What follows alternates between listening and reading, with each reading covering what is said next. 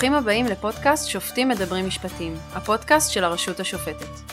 בכל פרק נפגוש באולפן שני שופטים שיספרו מנקודת מבטם על סוגיות שונות ומגוונות מעולם המשפט הנוגעות לציבור הרחב. הנושא עליו נשוחח היום הוא בתי המשפט הקהילתיים, אשר החלו לפעול כפיילוט בשנת 2014, במטרה לתת מענה מקיף לנאשמים חוזרים על ידי שיקומם בקהילה במקום עונש מאסר. היום מתארחים באולפן נשיא בתי המשפט הקהילתיים השופט אביטל חן, שמונה לשיפוט בשנת 1997, והשופטת אילנית אימבר, שמונתה בשנת 2011, וכיום שופטת נוער ושופטת בבית המשפט הקהילתי במחוז הצפון. הנשיא אביטל חן והשופטת אילנית אימבר, אני מעבירה לכם את רשות הדיבור. שלום למאזינים, שלום לנשיא חן. היום אנחנו נדבר על אה, בתי המשפט הקהילתיים, ואני מאוד אשמח שתספר למאזינים מאיפה נולד הרעיון ואיך הוא צמח אה, עד כדי פריסה אה, ארצית של בתי משפט קהילתיים בישראל. שלום לכולם, שלום אילנית אימבר, השופטת אילנית אימבר. בתי המשפט הקהילתיים צמחו למעשה בארצות הברית אה, ונקראו בתי משפט פותרי בעיות שם, יובאו לארץ על ידי אה, הג'וינט ישראל ודוקטור דניאלה בייניש בשנת 2014 ומאז התרחבו לכל בתי המשפט, לכל המחוזות שלנו למעשה שישה בתי משפט אה, קהילתיים. אלו בתי משפט מיוחדים שפועלים בשיטה שונה מבתי המשפט הרגילים מתוך כוונה לאתר נאשמים מתאימים לשיקום בעיקר כאלו שחוזרים וחוזרים על עבירות ולא מצליחים לצאת מהלופ של בתי כלא אה, ובדרך מאוד מיוחדת להחזיר אותם לחיים שגרתיים, לחיים נורמטיביים ולחיים של אזרחים תורמים במדינה. את uh, כבר עוסקת ב, בבית המשפט הקהילתי כמה שנים? ארבע שנים במחוז הצפון, בעצם מרגע הקמה של בתי המשפט.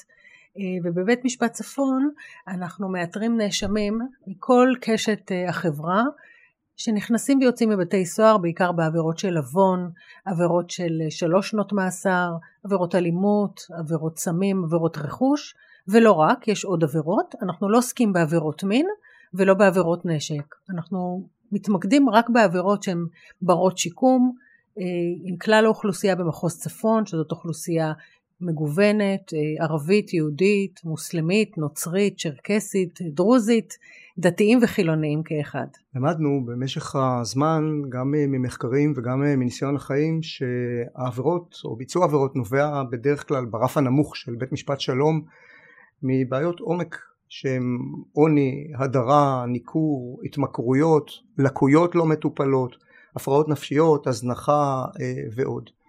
איך למעשה אתם אה, או אנחנו מתמודדים עם הבעיות הללו כאשר הנאשמים מגיעים לבית המשפט הקהילתי. הייחודיות של בית משפט קהילתי זה שהיא בעצם מעניקה אה, איזושהי מעטפת הוליסטית, היא לא מתייחסת רק לעבירה עצמה.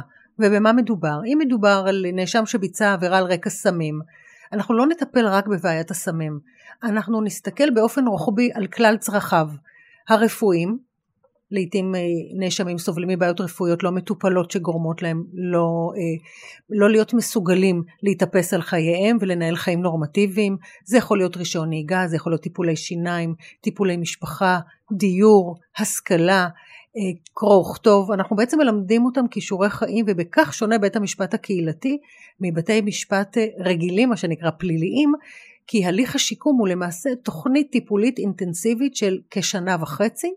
אה, כאשר אותו נאשם מתחייב להגיע פעם בשבועיים לבית המשפט, הוא מתחייב להגיע מעבר לשעות בית המשפט לקצינת המבחן. אנחנו לא מדברים בקייטנה. לא קייטנה בכלל, עבודה קשה מאוד, ומאוד קשה גם לשכנע נאשמים אה, בעצם לעצור רגע את חייהם לשנה וחצי, לשגרת חייהם, אה, ובעצם אה, לתת את כל כולם לתהליך שהוא מאוד אינטנסיבי ואפילו פולשני הייתי אומרת, זה ממש לשים את הנשמה על השולחן ולתת לאנשים אחרים לסייע לך בכל תחומי החיים. אחת הבעיות העיקריות שאנחנו נתקלים בהן זה למעשה חוסר אמון. הנאשמים, נאשמות הללו, למעשה לאורך כל חייהם הבוגרים לא זכו לחיבוק מהמערכת. המערכת למעשה ביניהם, או השופטים, אנחנו לא ממש רואים אותם במובן של אני רואה אותך.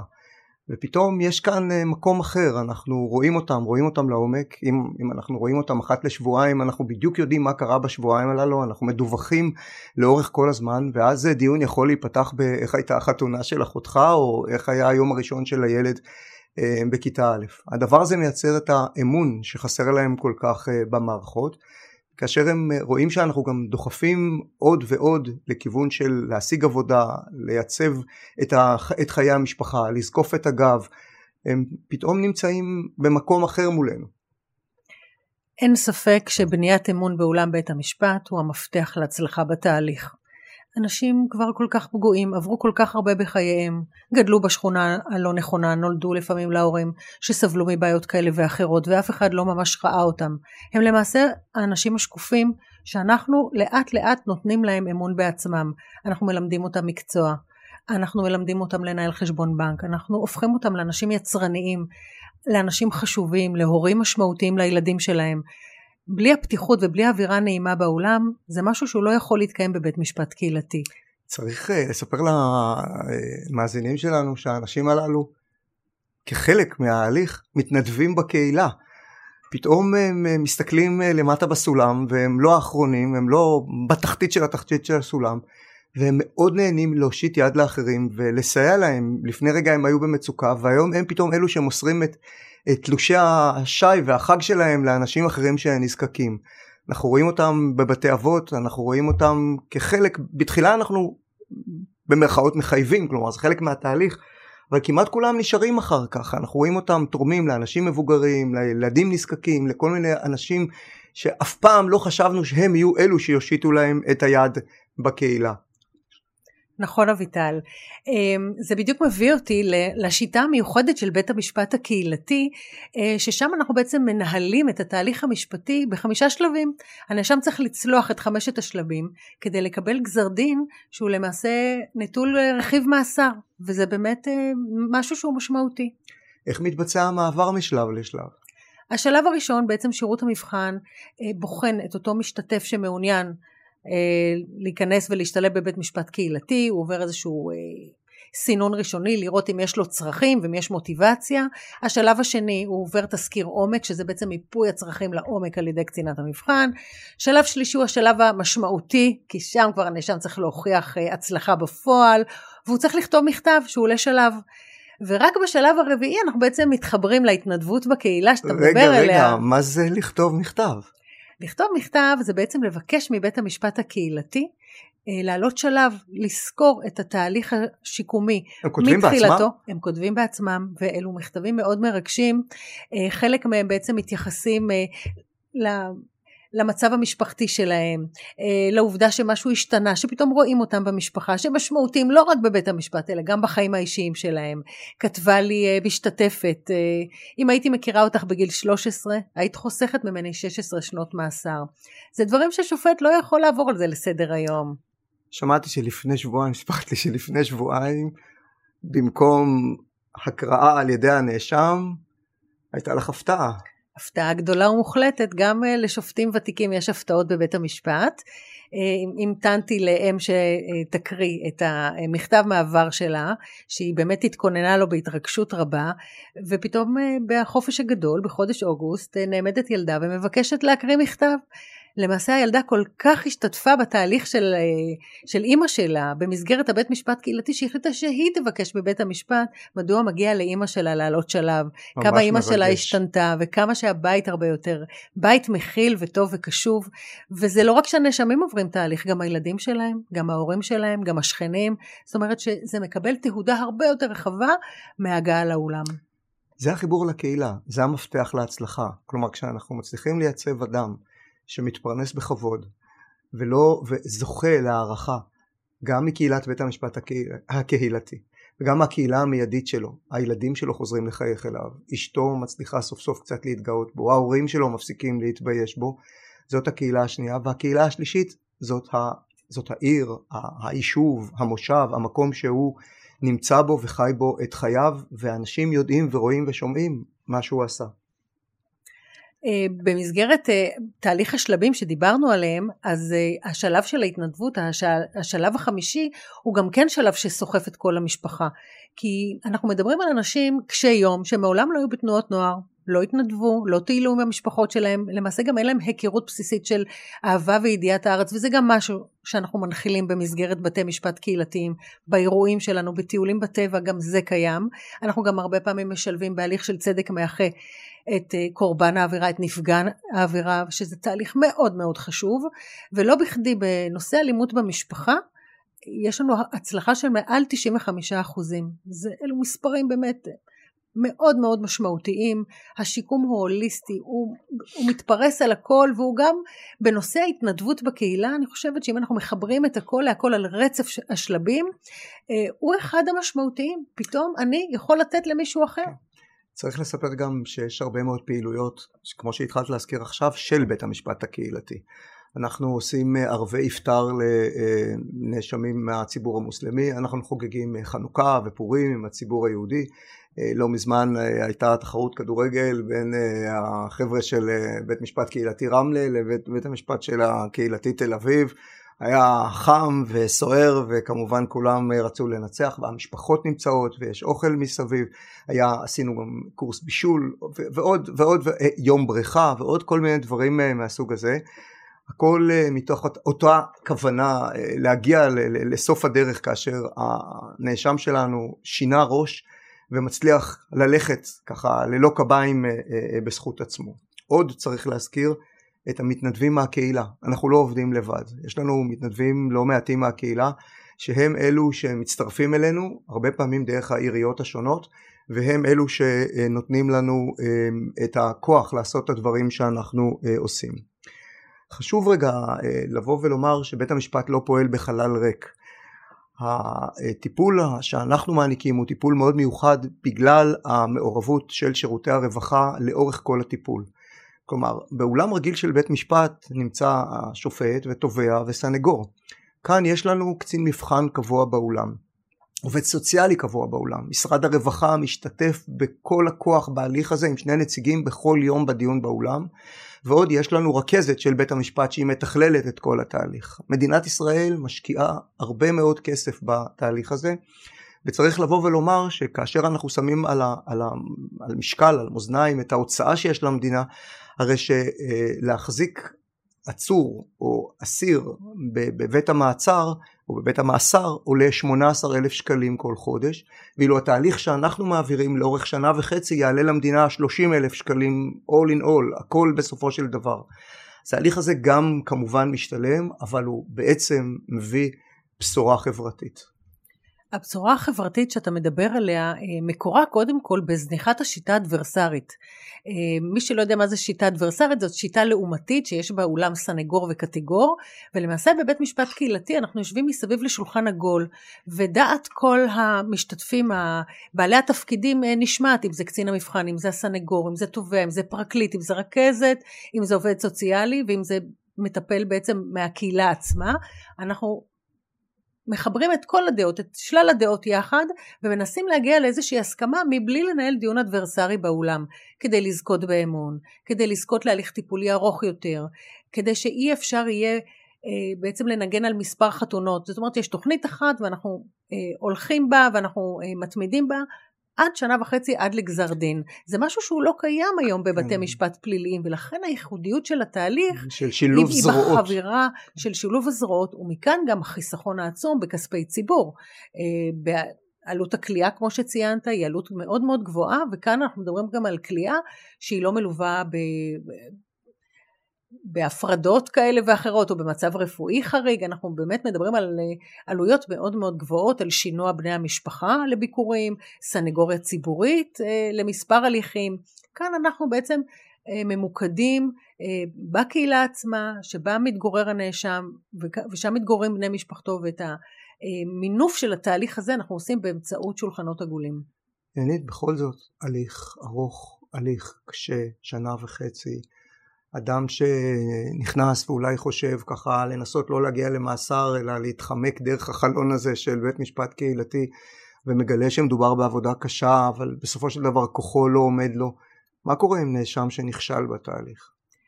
נאשם שנכשל בתהליך, אנחנו מוציאים אותו מהתוכנית. הוא יכול לצאת באי הצלחה, אם הוא ביצע עבירה נוספת או זלזל בהליך אה, באופן שהוא החליט להישאר בחיי העבריינות, אז אנחנו נגזור את דינו. והוא ייגזר למאסר בפועל, אה, לעתים הוא יועבר למוטב אחר ולעתים אה, השופט הקהילתי ישמע אותו, זה מאוד תלוי באיזה שלב של התהליך הוא נשר, אה, ויכול להיות שהוא גם ביצע עבירה של בית משפט מחוזי ולא של בית משפט שלום, ואז הוא בכלל יעבור לערכאה אחרת, זה מאוד תלוי. ישנם נאשמים שלא מצליחים לעמוד בתוכנית הייעודית שהוכנה עבורם, אבל הם לא עברו עבירות פליליות, הם לא מגלים שאיפות פליליות. כלומר, הם עברו שיקום חלקי. עברו שיקום חלקי. ואנחנו באים לקראתם, גם גזר הדין יהיה בהצלחה חלקית, אה, כמו השיקום שלהם. שלוקח בחשבון את המאמץ שהם עשו. בוודאי, ואת השינוי שהם עשו, ואת המאמצים, אבל הם לא יגיעו עד לשלב החמישי והאחרון. לעתים הם ינשירו בשלב שלוש או בשלב ארבע, שזה פרק זמן כבר שאנחנו יכולים לדעת שהם יודעים להתמיד, אבל לא להצליח. זה הזמן שנכון להשלים את מה שהתחלת מקודם ולומר שאנחנו בדרך כלל מטפלים בעבירות של מרמה. יש לנו עבירות גם של תעבורה, אנשים ששוב ושוב נוהגים ללא רישיון או התמכרו לאלכוהול וסמים, אלימות, כולל אלימות במשפחה, שאם הדברים נעשים נכון, בית המשפט הזה הוא קלאסי לטיפול בסוג הזה של אלימות. הרבה עבירות רכוש והרבה מאוד עבירות של סמים, כאשר אה, ללא מעט נאשמים שלנו יש אה, יותר מסוג אחד של עבירות אה, לצערנו. זה מצליח? בהחלט, ללא ספק, זה מצליח ומצליח בגדול. אנחנו עדים להם איזושהי מהפכה בעולם המשפט.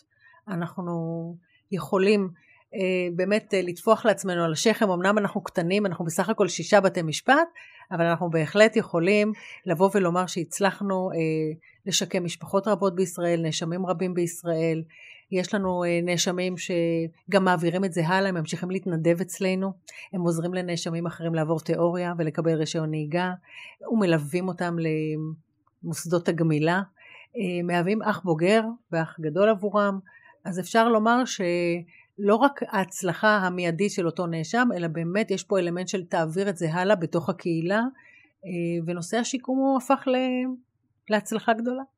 צריך הכשרה מיוחדת כדי להיות אה, שופט קהילתי? השופטים באים מרקע שונה?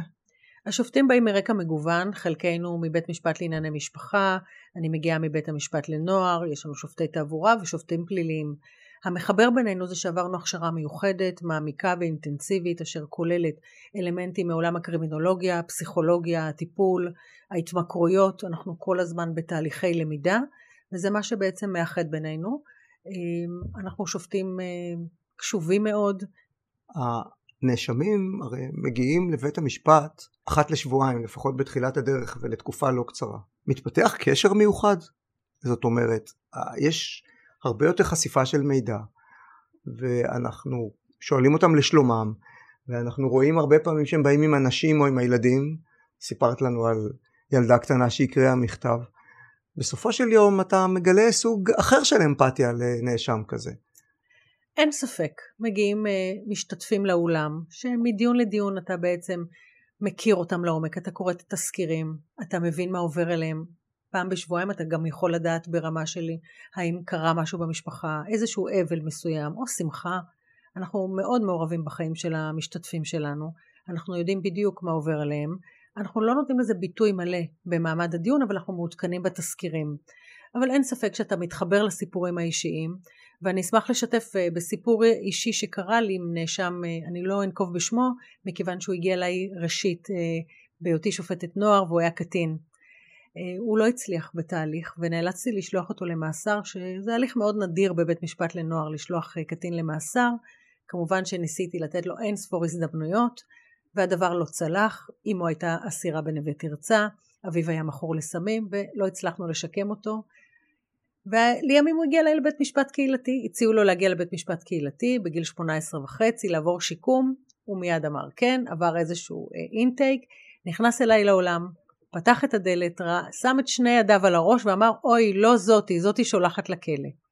ולמעשה זה ממחיש אה, את כל, ה, את כל השינוי, זה אותו אולם, אותה שופטת, פעם מנוער ופעם מקהילתית, וברגע שהתהליך היה תהליך משותף סביב שולחנות עגולים, ולא שיטה אדברסרית. הוא פשוט נפתח. יכול להיות שגם הגיל הביולוגי יצר איזשהו שינוי, אבל היום הוא אחד מהמשתתפים המוצלחים שלנו.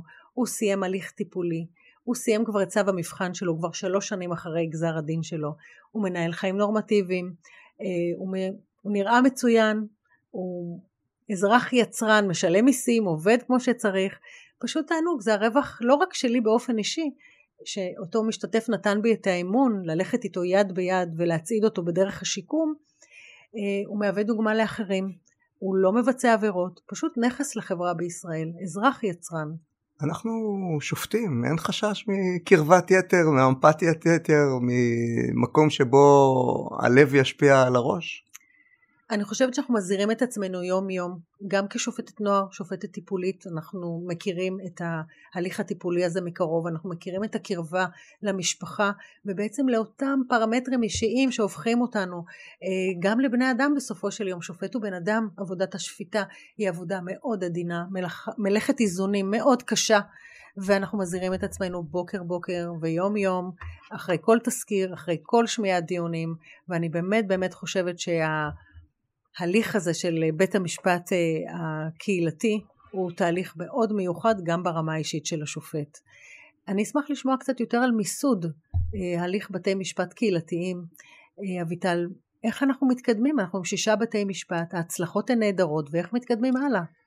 אז כמו שאמרתי, הפרויקט הזה הובא למעשה, או התחיל למעשה כפיילוט בשנת 2014, ועד 2019 צמח לשישה בתי משפט ברחבי הארץ.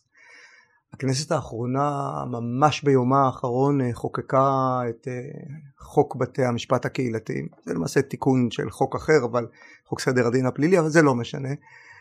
אה, ואפשרה לנו למסד במסגרת הרשות השופטת את כל הנושא הזה שנקרא בתי משפט קהילתיים ולהרחיב ולפתח אותו. קיימות גם החלטות ממשלה שפותחות לנו תקציב שמאפשרות לפתח את בית המשפט הקהילתי זה לא פשוט כי התקציב הזה מגיע עם תקציב רווחה ועובדות סוציאליות כמו שפירטתי ו- ו- ואנחנו מדברים על קציני קצינות מבחן. אה, אנחנו מדברים ממש על, על, על פרויקט גדול ואנחנו מקווים לפי תוכניות עבודה שהגשנו ל-2023-2024 אה, לפרוס אה, עוד בתי משפט ברחבי הארץ כשהכוונה בסופו של יום תוך שנתיים שלוש לרשת את כל הארץ בבתי משפט קהילתיים החל מהראשון לספטמבר 22 אה, למעשה הרשות השופטת היא המנהלת את בתי המשפט הקהילתיים, שלב הפיילוט נגמר וכבר אנחנו מדברים על אה, בתי משפט קבועים, זה כבר, זאת כבר עובדה אה, מוגמרת.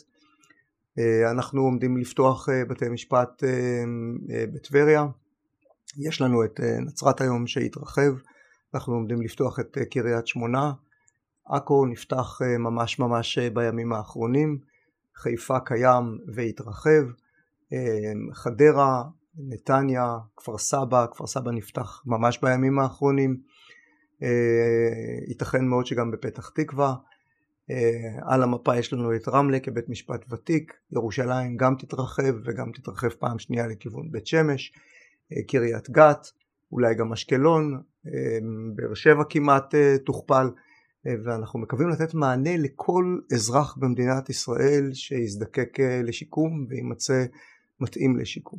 אז אנחנו בעצם פותחים את בתי המשפט גם לפריפריה כדי שיוכלו להשתלב במסגרת בתי המשפט הקהילתיים. מרחיבים את הפעילות גם לשכבות הכי חלשות שבעצם מעסיקות את בתי המשפט הפליליים בפריפריה. תוך אה, שימת דגש על באמת שכבות חלשות ותוך שימת דגש גם על הציבור הערבי. אה, כאשר אנחנו עוקבים ממש אחרי המספרים שמגיעים אלינו מהמקומות שמגיעים אלינו ומודעים לכך שאנחנו צריכים לתת שירות לכל הציבורים אה, אנחנו עוקבים אחרי המספרים גם ברמה הג'נדריאלית שלהם גברים נשים כדי לראות שאנחנו לא נקפח אף אחד. ואני מקווה שנזכה לראות את כל התקציבים אה, באמת נפתחים ועומדים לרשותנו על מנת ש... נצליח אה, להביא את בשורת השיקום הזאת ולתת אה, שינוי משמעותי למשפט הפלילי במדינת ישראל. רציתי להודות לך אילנית, נהניתי מאוד מהשיחה בינינו, גם אה, כמה דברים שלא ידעתי. תודה רבה אביטל, מאוד נהניתי, אני מאוד שמחה לשתף עם כל מה שקורה בתוך האולם, וכמובן אנחנו בדלתיים פתוחות, וציבור המאזינים מוזמן לבוא ולהתרשם מבתי המשפט הקהילתיים בישראל. שיהיה לנו בהצלחה. תודה. תודה רבה לנשיא אביטל חן והשופטת אילנית אימבר שהשאירו אותנו היום בנושא בתי המשפט הקהילתיים. אין ספק שלמדנו רבות. ניפגש בפודקאסט הבא של שופטים מדברים משפטים, הפודקאסט של הרשות השופטת.